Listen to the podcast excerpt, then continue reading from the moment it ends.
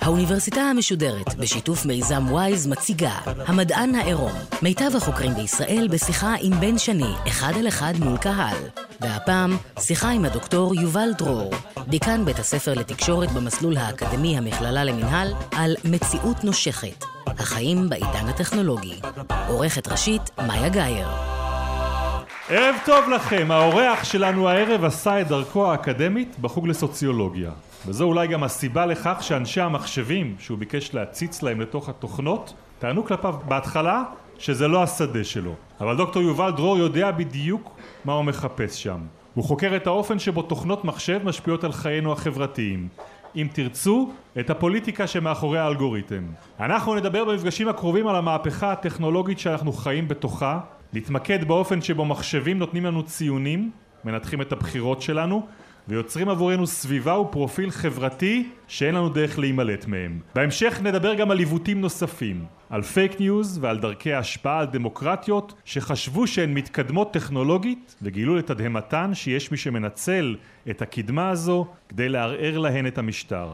דוקטור יובל דרור הוא דיקן בית הספר לתקשורת במסלול האקדמי של המכללה למינהל הוא מסקר וחוקר את טכנולוגיות האינטרנט והמחשבים והערב הוא אורחנו כאן במדען העירום סדרת המפגשים של האוניברסיטה המשודרת ומיזם וויז שנערכים כולם מול קהל בברים ברחבי הארץ הערב אנחנו בתל אביב בטיילור מייד דוקטור יובל דרור אפשר להתחיל אחרי ההקדמה הזאת כן, זה כל כך כן, ארוך להקדמה ארוכה קדימה תשמע, אני חייב להגיד לך שבמפגשים מהסוג הזה יש סכנה. מה היא? אני אגיד לך מה הסכנה. אני חושב על זה שאנחנו את כל המפגשים בסדרה שלנו מעלים לפודקאסט. נמצאים שם כבר מפגשים לאורך השנים שאנחנו עושים, ויקשיבו למפגש הזה גם בעוד חמש שנים. איך לדעתך אנחנו נשמע אז, כשנלהג על הנושא הזה של האופן שבו רשתות חברתיות משפיעות על החיים שלנו, זה לא ייראה אנכרוניסטי? כן, זאת באמת הבעיה בכתיבה על הנושאים האלה. אתה תמיד שואל את עצמך איך זה ייראה עוד מעט, וזה באמת uh, בעייתי. זאת אומרת, העולם הזה מתקדם בקצב כל כך מהיר, אנחנו נדבר על כמה דוגמאות, ואני אספר לך שכשהתחלתי לכתוב את הספר שעליו אנחנו נדבר, הדוגמה עוד לא הייתה קיימת, ובסוף הכתיבה שאני מגיע אליה, אני לא יכול בלעדיה. אז אה, כן, זה גורם גם לי קצת אה, להרגיש לא בנוח, כי באמת העולם הזה נע מהר, וזו אחת הבעיות אגב. אני חושב למשל זה שמזכירים טכנולוגיות למשל, שמזכירים שמות של אפליקציות טרנדיות, נגיד סנאפצ'אט. אני כן. זוכר שכשנכנסתי לבית הספר לתקשורת, זה היה ב-2010, סיפרו לי שרק לפני שנה-שנתיים היה סמינר על Second Life. לא יודע אם מישהו זוכר את הדבר הזה, אבל ב-2006-2007 זה היה הדבר. זה היה איזה מין זה... רשת חברתית. זה היה כן, איזה מין סביבה וירטואלית כזאת. שיכלת להיות אנונימי בתוך משהו כזה, אוקיי. וזה באמת, היו בטוחים שזהו, זה עומד להיות האינטרנט הבא, ועכשיו אני אומר Second Life ומבטים אטומים.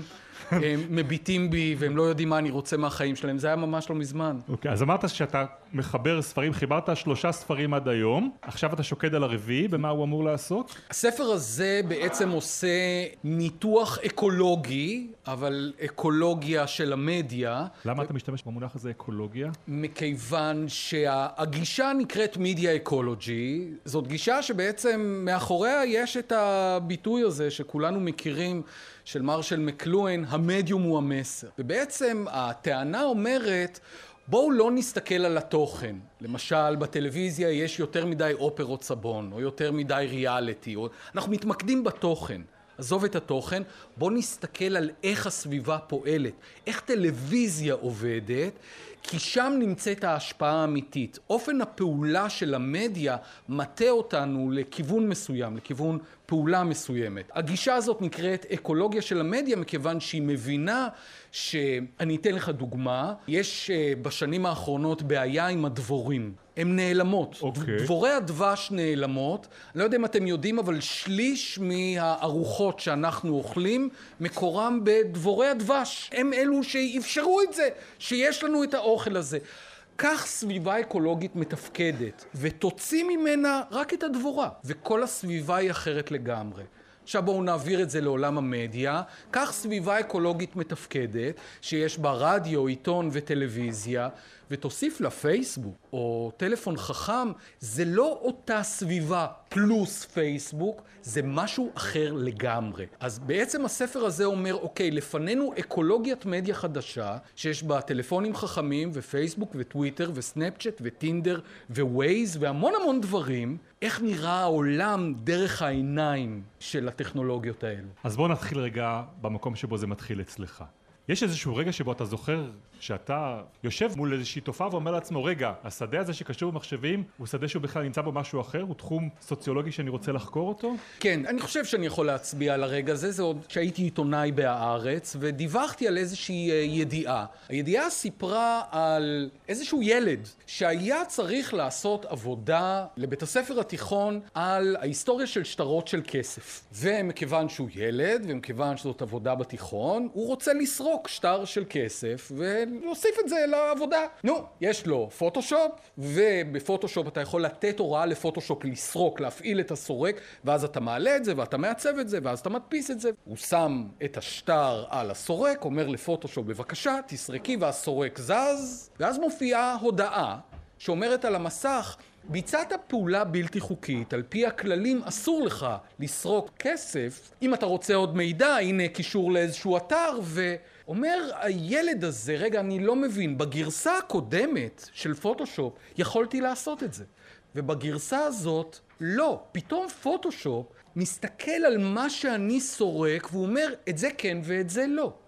ניסיתי להבין מה קורה שם, ומסתבר שקונסורסיום של בנקים פנה לאדובי, החברה שעושה את פוטושופ, ואמר, תראו, באמצעות פוטושופ מזייפים שטרות של כסף. ופתאום פוטושופ הפכה להיות אובייקט שבו מופעל כוח פוליטי מצד גוף של בנקים, שאומר לך, בן, תשמע, בגרסה הקודמת יכולת לעשות את זה, בגרסה החדשה יש מרכיב שמסתכל על מה אתה סורק. ואם אתה תסרוק משהו שאסור לך, לא ניתן לך. פתאום אתה מבין שהיצורים הדיגיטליים האלה הם הרבה יותר מסתם נוסחאות מתמטיות. על זה אנחנו רוצים לדבר בחלק המרכזי של המפגש הזה, הנושא הזה של מתי הדבר הזה הופך להיות פוליטי. כי ביסודו זה מחשב, ביסודו זה אפס או אחד, ביסודו זה הדבר הכי ניטרלי שיש. הצ'יפ שיוצא מהמפעל באינטל אין לו הטיה פוליטית, נכון? או שגם על זה אתה חולק? האם-אימא של ההטיה הפוליטית. אוקיי. אתה יודע מה, אני לא רוצה לדבר על החומרה, אני רוצה לדבר על התוכנה. האלגוריתם של גוגל, זה שקובע שכשאני אה, מחפש איזשהו משהו, זאת התוצאה הראשונה וזאת התוצאה השנייה, ואתה אומר... זה אובייקטיבי. הוא בדק את הכל, זה הכי רלוונטי. גוגל מציגה לי את כל המציאות, ואז מסדרת אותה בהתאם למשהו הכי רלוונטי. אתה מסכים איתי על התיאור הזה עד עכשיו? היא עושה בדיוק את מה שאני רוצה שהיא תעשה. זה בדיוק את מה שאני רוצה היא עושה. כן. אוקיי, עכשיו בוא נתחיל לטפל בזה. קודם כל, אני לא יודע אם אתה יודע, אבל שנינו נחפש את המילה מצרים בגוגל. אתה, מכיוון שאתה עיתונאי עם סכין בין השיניים, אתה תקבל המון המון ידיעות על מהומות במצרים. אני אכתוב את אותה המילה, מצרים, ובגוגל שלי יופיע חופשות ליד הפירמידות. עכשיו אני אומר רגע, זה אותו גוגל, אני לידך, שנינו ליד המחשב, שנינו מקבלים תוצאות. זאת אומרת, גוגל כבר אין גוגל אחת, יש מיליארדי גוגל. לכל אחד מאיתנו יש את הגוגל שלו, הוא מסתכל עלינו ונותן לך תוצאות שהוא חושב שיתאימו לך. אבל מה זאת המחשבה הזאת שהוא חושב שהוא יתאים לך? קודם כל היא לגמרי לא ניטרלית, היא לגמרי לא אובייקטיבית. אני אתן לך דוגמה. כשאני אה, גולש בסין ומשתמש בגוגל, יש דברים שלא מופיעים שם. זאת אומרת, זה כבר לא כל המציאות. בצרפת לא מופיעים לי מזכרות נאציות, זה מנוגד לחוק בצרפת. אם אתם תחפשו שם של סרט ותגידו להורדה בחינם, גוגל לא תראה לכם אתרים כי החליטה שהיא נלחמת בפיראטיות. כאשר היא בסוף השנה אומרת אלה הם החיפושים הכי, הכי פופולריים אתם זוכרים את זה? בכל שנה היא מפרסמת את זה אומרים וואו בר רפאלי מקום שני אוקיי מה היא לא אומרת לכם? שהיא מנטרלת את כל החיפושים על פורנוגרפיה הם במקום הראשון כאשר גוגל בונה לנו את המציאות ואני אומר הנה המציאות זו לא המציאות כמו שהיא, אלא זו מציאות שעברה פילטר. תשמע, אבל אתה ואני זוכרים את הימים לפני שהיה גוגל. יש לך מנוע חיפוש שמוצא באמת את מה שאתה רוצה. לפני זה היו כל מיני מנועי חיפוש, לא נזכיר את שמם, שהיית מקבל באמת... כלום. תוצ... אז מה רע? מה רע? אני אנסה להסביר מה רע. קודם כל, אנחנו יוצאים מנקודת הנחה שמספרים זה דבר אובייקטיבי. אתה לא יכול להתווכח עם מספר. כולנו חיים בתרבות שבה למספר יש איזשהו ערך שעומד בפני עצמו, שאתה לא יכול להתווכח איתו, שנתפס בפניך כאיזושהי אמת מזוקקת. זה מדע. זה מדע, אתה אומר. ובכן, בוא, בוא נדבר רגע על מספרים. קודם כל, אני מאוד אוהב את גוגל, אני קשה לי לדמיין את עולמי בלי גוגל, בואו. אי אפשר היום באמת להסתדר בלי גוגל, ואגב זאת אחת הבעיות עם גוגל.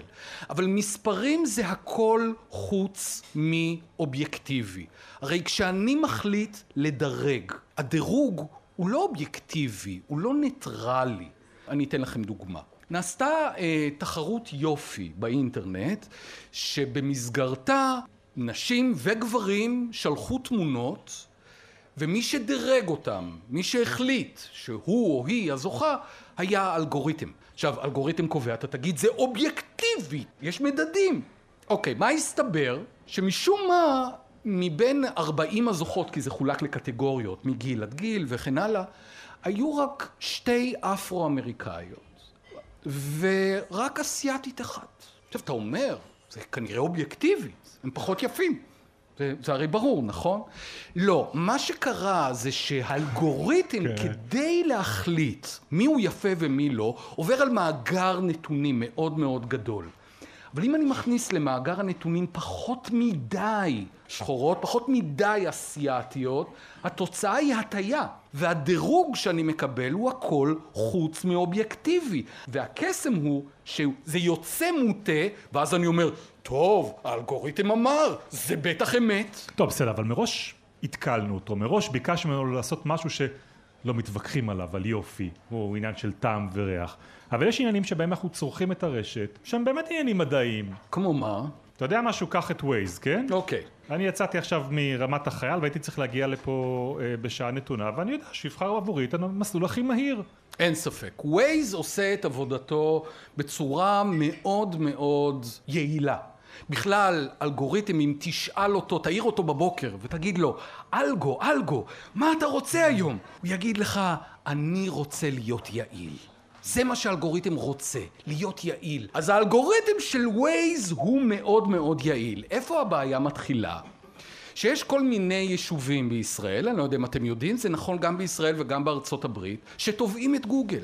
תובעים את גוגל בגלל ווייז. הם תובעים את גוגל בגלל ווייז, בגלל שווייז לא אכפת לה מהשכונה הקטנה שבה אתם גרים, והיא תפנה לשם חמשת אלפים מכוניות בשעה אם זה יחסוך לכם דקה מחורבנת אחת.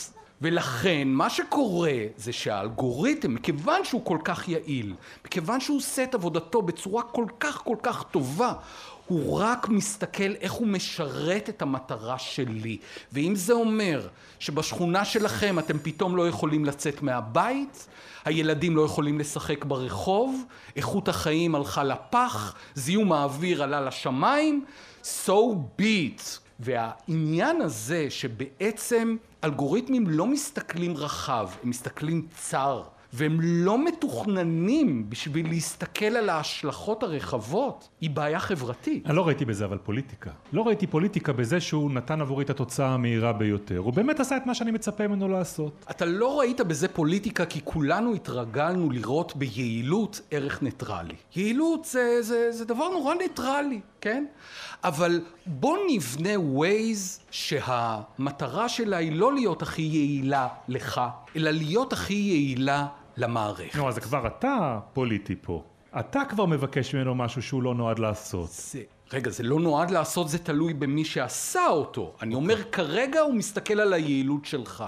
אבל עצם העובדה שאתה ואני יכולים לדמיין ווייז שפועל על פי היגיון אחר, זה אומר שאנחנו יכולים לקפל בתוך האלגוריתם את האידיאולוגיה שלנו, את הערכים שלנו. מה שחשוב זה שבשום מקרה Waze לא יכניס אותנו לשכונות קטנות, שלא יהרוס לאנשים את החיים. פתאום הערך הוא כבר לא יעילות, כי אני אגיע באיחור של דקה, אבל אני מעמיד ערך אחד שהוא יותר חשוב. אנחנו יוצאים מתוך נקודת הנחה שיעילות זה תמיד הדבר הכי ניטרלי, אבל ממש, ממש לא. אמרת שבסופו של דבר העניין הזה של מספרים הוא נראה לנו העניין הכי מדעי שיש, כן? כן? הם מסתכלים עלינו כעל מספרים? או-הו, בוודאי. הרי מה זה אלגוריתם? בואו נדבר רגע על אלגוריתם. אלגוריתם נשמע נורא מדעי המחשב, לא תכנתתי אגב בימי חיי חוץ מ-10 פרינט יובל, 20 go to 10. זה היה כאילו פסגת היכולות שלי. אוקיי, אז בואו לא נדבר במדעי... כי אני לא שם, אני לא שם. אלגוריתם, אגב, על פי ההגדרה, היא, אני הבאתי אותה איתי, אוקיי, סט של פעולות או הוראות מוגדרות היטב שנועדו לביצוע משימה. זה אומר בעצם שלכל אחד מכם יש אלגוריתם של איך אתם מצחצחים שיניים. תחשבו על זה. אתם מגיעים בבוקר, באיזה יד המשחה, שמאל או ימין? מורחים כמה, הרבה, קצת זה. יש אלגוריתם, יש אלגוריתם, לכל אחד מאיתנו יש אלגוריתם לאיך הוא מצחצח שיניים בבוקר. עכשיו אם אנחנו מסתכלים על אלגוריתמים באופן הזה, אנחנו בעצם מבינים שאלגוריתמים זה סט של הוראות של אם אז, אם אז, אם המון המון, ככל שיש יותר אם אז, אז האלגוריתם הוא יותר מסובך והוא יותר מורכב. אבל בסוף בסוף, אלגוריתמים הם יצורים מתמטיים. זה אומר שבסוף בסוף, בסוף כל אלגוריתם, יוצא מספר. והמספר הזה הוא בדרך כלל ההסתברות שהתוצאה שאני נתתי היא נכונה. כלומר, בהסתברות של 90 אחוז הדרך שאתה הגעת מרמת החייל, זאת הדרך הכי טובה. ואם במהלך הנסיעה הוא עושה את החישוב הזה עוד פעם ואומר, רגע, אז הוא אומר לך, מצאתי מסלול יותר טוב! מה זה מצאתי מסלול יותר טוב? זה האלגוריתם רץ, מצא תוצאה עם מספר בסופו, ואמר, אני מעביר אותך לשם. זה אומר שעבור אלגוריתמים, מה שאנחנו זה לא יותר מסט של תופעות שאותם מרדדים למספר, להסתברות. כולנו הסתברויות בסופו של דבר, ויש הסתברות של 98 אחוז, שכאשר אתם כותבים בגוגל, ארנולד שוורצנגר, כנראה התכוונתם לארנולד שוורצנגר, שאף אחד לא יודע איך לכתוב את השם שלו, אבל גוגל תמיד יודעת לתקן. מכיוון שבהסתברות גבוהה לזה התכוונתם. ולכן אנחנו עבור אלגוריתמים לא יותר ממספר. אבל זה לא עושה לנו את החיים יותר קלים? העובדה שהסטטיסטיקה ככה עובדת, בודקת מה אנחנו צריכים, גורמת לגוגל לשלוף עבורי את התוצאות שאני באמת חיפשתי. אני חיפשתי את המהומות במצרים שכתבתי מצרים, לא חיפשתי טיול בפירמידות. ויש מקומות אחרים שבהם, אני יודע מה, סיפרו לי שיש דבר כזה שנקרא טינדר, כן? שאתה... סיפרו לך, כן, כן. זה שמעת, זה לא... שאתה מחפש תמונות, כן. ואני בוחר את מי שאני רוצה לצאת איתו. אוקיי. בואו נדבר על טינדר. טינדר, למי שלא יודע, אפליקציה של היכרויות, ומה שעושים בעיקר זה מעלים תמונה. תמונה אחת, שתיים, שלוש, ואז הצד השני, האפליקציה מציגה בפניו תמונות, וימינה ושמאלה, ימינה ושמאלה, למי ל... בואו ניפגש, ומי ל... לך תחפש, כן? זו האפליקציה. הבעיה היא כזאת, אני לא יודע אם אתם, משתמשי טינדר נחמדים שכמוכם, יודעים שבעצם האפליקציה מדרגת אתכם. הם מדרגים אותך, הדירוג נקרא ELO, הם גנבו את זה מדירוגי שחמט. בכל אופן, איך מדרגים אותך תשאל? ובכן זה תלוי איך נראית התמונה שלך. הצטלמת עם הכלב? מלמעלה? מלמטה? עם חולצה?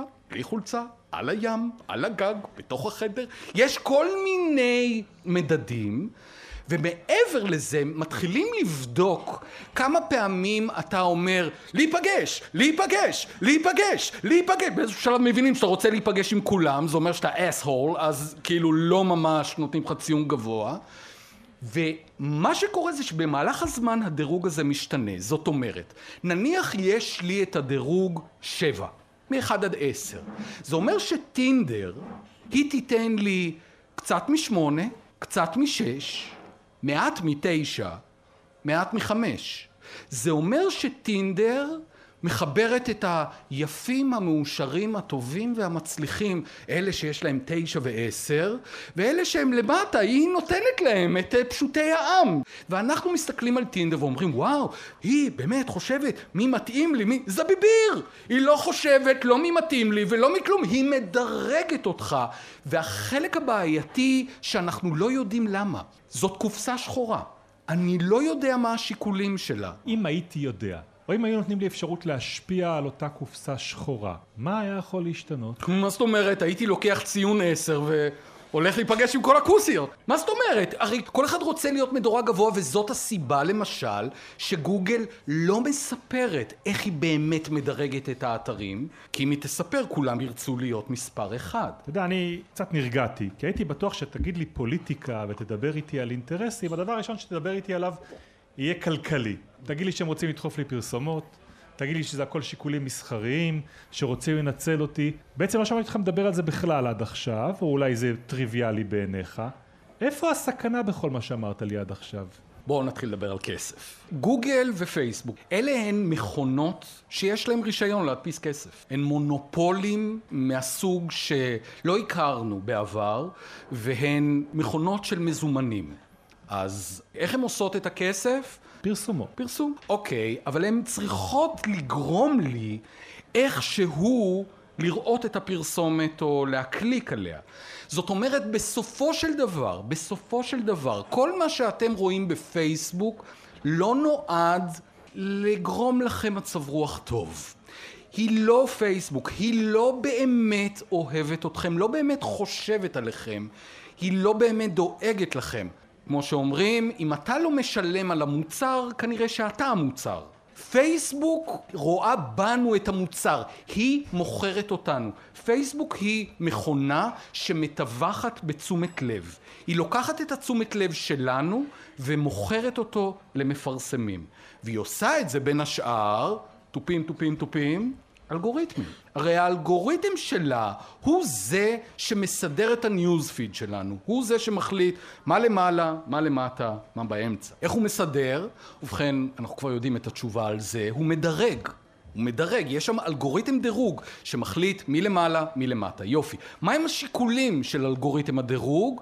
השיקולים הם מה שימשוך את תשומת הלב שלנו. תזכרו, זה אלגוריתם, זאת חברה שמטווחת בתשומת לב. היא רוצה שנישאר שם כמה שיותר זמן. מה גורם לנו להישאר בפייסבוק כמה שיותר זמן? הקצנה, פחד, זעם, כעס. אנשים שמרגיזים אותנו, אנשים שמפעילים אותנו, הם מפעילים אותנו לא בגלל שאנחנו אנשים עצבניים, הם מפעילים אותנו כי כך אנחנו בנויים. אנחנו בנויים ברמה הכי אבולוציונית.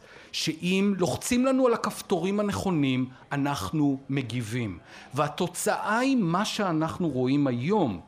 פירוד והקצנה ושיח מאוד מאוד רדוד, זה לא מקרה שאנחנו רואים את התוצאה הזאת והסיבה בסופו של דבר בין היא כלכלית. אז הסיבה הכלכלית מאוד קל לי להבין. אוקיי. Okay. מאוד קל לי להבין שמוכרים לי פרסומות דרך האתרים האלה, אני רואה את זה, אנשים אפילו גם כן יודעים היום להגיד דבר שאנחנו לא יודעים אם הוא נכון או לא נכון, שכשהם מדברים לי על הטלפון שלהם והאפליקציה סגורה, הוא יודע להקשיב להם ולמכור להם פרסומות. נשאיר את זה ברמת נכון כן, או אגדה אורבנית, כן? בדיוק. אבל יש מקומות שבהם הדירוג הזה משמש לאינטרסים אחרים שאני לא מכיר אותם? בהחלט. בשנת 2007, אם אני לא טועה, או 2008, נעשה בארצות הברית בדיקה כמה סולמות דירוג יש, דירוג של צרכנים. כמה יש כאלה? מצאו 27 סולמות כאלה, שמדרגים צרכנים. איך אתה בתור לווה, איך אתה בתור אה, כזה שמשלם על מכונית, האם תחזיר את ההלוואה. 27 סולמות. היום יש אלפים, אלפים של סולמות שבודקים האם אתה גבר או אישה, איפה אתה גר, כמה ילדים, נשוי או לא, האם אתה מנגן על כלי נגינה, האם אתה הולך לשיעורי יוגה, איזו מוזיקה אתה אוהב, המידע מגיע מכל מקום ובסוף יש ציון. אני אתן לך דוגמה לאחד המקומות שבהם הציונים האלה זה באמת קצת מפחיד. בית משפט מגיע פושע. הוא הורשע כבר, אנחנו יודעים שהוא פרץ לבית ועכשיו צריך לגזור את דינו. עכשיו אנחנו יודעים, לשופטים יש איזשהו טווח, הם יכולים לתת לך עבודות שירות, או חצי שנה שיומרו לעבירות שירות, אני יכול לדחוף אותך גם לחמש או שש שנים לכלא. איך שופט מחליט? ובכן, היום בארצות הברית, אה, בהרבה מאוד מדינות, זה עדיין לא פדרלי, אבל בהרבה מאוד מדינות בתוך ארצות הברית, השופטים מצוידים בדוח. הדוח הזה קובע מהי ההסתברות שהאדם שנמצא מול השופט יבצע פשע כאשר הוא ישתחרר מבית הכלא. אם ההסתברות היא מאוד גבוהה, כדאי להשאיר את הפושע הרבה זמן בפנים. אם ההסתברות היא מאוד נמוכה, אין טעם להשאיר אותו בפנים, הסיכוי שהוא יפשע שוב הוא די נמוך. מי שמבצע את ההערכה הזו, אלה הם אלגוריתמים. האלגוריתמים מסתכלים על הפרופיל שלך, מי אתה, מה אתה, בן כמה אתה, האם היו לך פשעים אה, בעבר, אה, וכן הלאה וכן הלאה וכן הלאה, ואז מסתכל על מאות אלפי מקרים אחרים, ואומר, כשאני מסתכל על מאות אלפי מקרים אחרים, אני מוצא שבהסתברות של... והוא מוציא מספר. עכשיו, יש פה תחזית לאדם שיבצע פשע שהוא עוד לא עשה, כי הוא עדיין נאשם בגלל הפשע הראשון, ומהי ההסתברות שהוא יעשה משהו כשהוא ישתחרר מהכלא, וזה בכלל לא קשור אליו, זה קשור לסטטיסטיקה של אנשים אחרים. בסדר, אבל אתה יודע, יגידו לך עושים את זה גם ברפואה, ועושים את זה גם, היו ועדות מסוכנות שנותנות דוחות כאלה לבית המשפט. יש מקומות שבהם מעריכים אותי על פי אותו אלגוריתם של פייסבוק? על פי הצפייה שלי ברשת? אני אתן לך עוד דוגמה. יש חברה בשם higher view, יש לה אפליקציה. זאת אפליקציה שעוזרת בראיונות עבודה. הרי כולכם מכירים את זה, שולחים קורות חיים, המון המון המון המון המון קורות חיים, המשרדים מקבלים המון קורות, והם צריכים עכשיו לראיין את כולם. החברה הזאת נותנת שירותים לחברות שצריכות לגייס אנשים, והיא אומרת להם את הדבר הבא, במקום שאתם תקבלו את קורות החיים, ותראיינו את כל האנשים, זה מעייף, זה מעצבן, זה משעמם, תעזבו. אתם תבקשו מהאנשים לצלם את עצמם באמצעות האפליקציה, והם יראו כמה שאלות שהם צריכים לענות. מהי הקריירה האידיאלית עבורך? ובכן, אני תמיד רציתי להיות איש מכירות שמוכר שטיחים. האם אתה תהיה מוכן? כל מיני, חמש, שש שאלות כאלה. אף אחד לא יראה את התשובות. אין אדם שרואה את התשובות. מאחורה יש אלגוריתם. האלגוריתם הזה מנתח את תנועות העיניים, הפנים שלך, ואז הוא מסתכל על העובד הכי טוב אצלך בחברה, שגם מצטלם, והוא אומר, יש פה סיכוי של 95% שהאיש הזה הוא, זה פאקינג מפחיד ברמות אחרות. אני רוצה בן אדם בצד השני. אני רוצה מישהו שיסתכל לי בעיניים ואני אגיד לו, אבל תשמע, אתה, לא, אנחנו לא מכירים, אבל אני ממש טוב במה שאני עושה. בוא אני אספר לך קצת עליי, ו, ויתרחש משהו בינינו ברגע הזה, שבו אתה פוגש אדם נוסף. זה הולך והתוצאה היא בסופו של דבר מה שחנה ארנדט אמרה, שלטון של אף אחד. בירוקרטיה מוחלטת שבה אתה לא פוגש עוד אנשים, אתה פוגש רק כללים וחוקים ומספרים והם מוציאים לך איזושהי תוצאה. אני לא בטוח שאני רוצה לחיות בכזו חברה. בוא אני אספר לך איפה אני חי מבחינת רשת חברתית קדימה. הכי ענפה שלי. זאת אפליקציה שלא עלתה לי כסף, שלא מוכרת לי פרסומות, שאני מדבר בה רק עם מי שאני רוצה לדבר. לא יודע אם אתה מכיר אותה, נקראת וואטסאפ. Mm-hmm. יש לי שם קבוצות, יש לי שם חברים, ואיתם אני, איתם אני מדבר. ניצחתי את המערכת. חצי ניצחת את המערכת, אני אגיד לך למה. מכיוון שוואטסאפ היא לא וואטסאפ. וואטסאפ היא פייסבוק. היא נרכשה תמורת מיליארד דולר, ארבעה מיליארד דולר, מי סופר? יש להם כסף יותר מלישו. ומה אכפת לי? הבעיה היא שהמידע מתחיל לעבור ממקום למקום, ובעצם כאשר אתה כותב משהו בוואטסאפ זה עובר לפייסבוק, מפייסבוק זה עובר לכל המפרסמים, שהרי את זה היא מוכרת. המידע הזה עובר ממקום למקום. קשה מאוד לדפוק את המערכת. אז תשמע, אולי הדרך לדפוק את המערכת היא שתקום איזושהי חברת תוכנה שתציע לך תמורת סכום פעוט, משהו שיפלטר את הדברים האלה. איזושהי טכנולוגיה שתאפשר לך גם ליהנות, כי הרי אין ספק שהדברים האלה גורמים לנו הנאה בחיים, וגם לא להסתכן. יש דברים כאלה? מעט מאוד, והסיבה היא שהמודל העסקי של האקולוגיה החדשה הוא פרסום.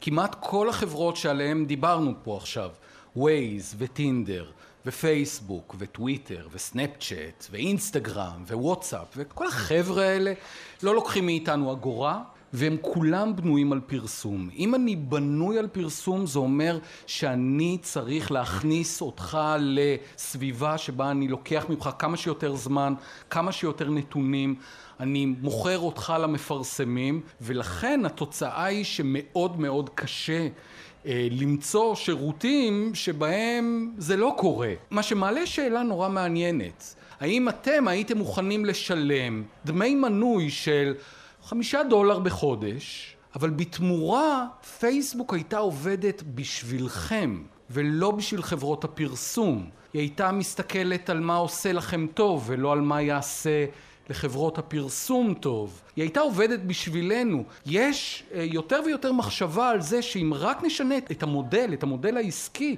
אולי נקבל שירותים שיתחילו לחשוב עלינו. דוקטור יובל דרור, אל תלך לשום מקום. אנחנו נפרדים עכשיו מהמאזינים שלנו בגלי צה"ל, הם ישובו לשמוע אותך בחלק השני של המפגש הזה שישודר בשבוע הבא. בינתיים אנחנו נשארים כאן בבר בתל אביב, ועד הפעם הבאה נגיד לכולם לילה טוב. לילה טוב.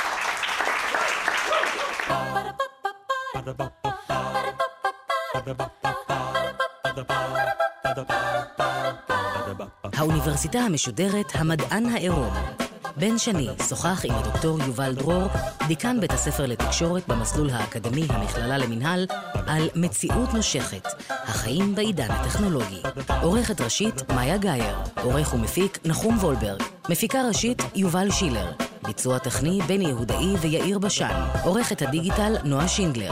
האוניברסיטה המשודרת, בכל זמן שתרצו, באתר וביישומון גלי צה"ל, ובדף הפייסבוק של האוניברסיטה המשודרת.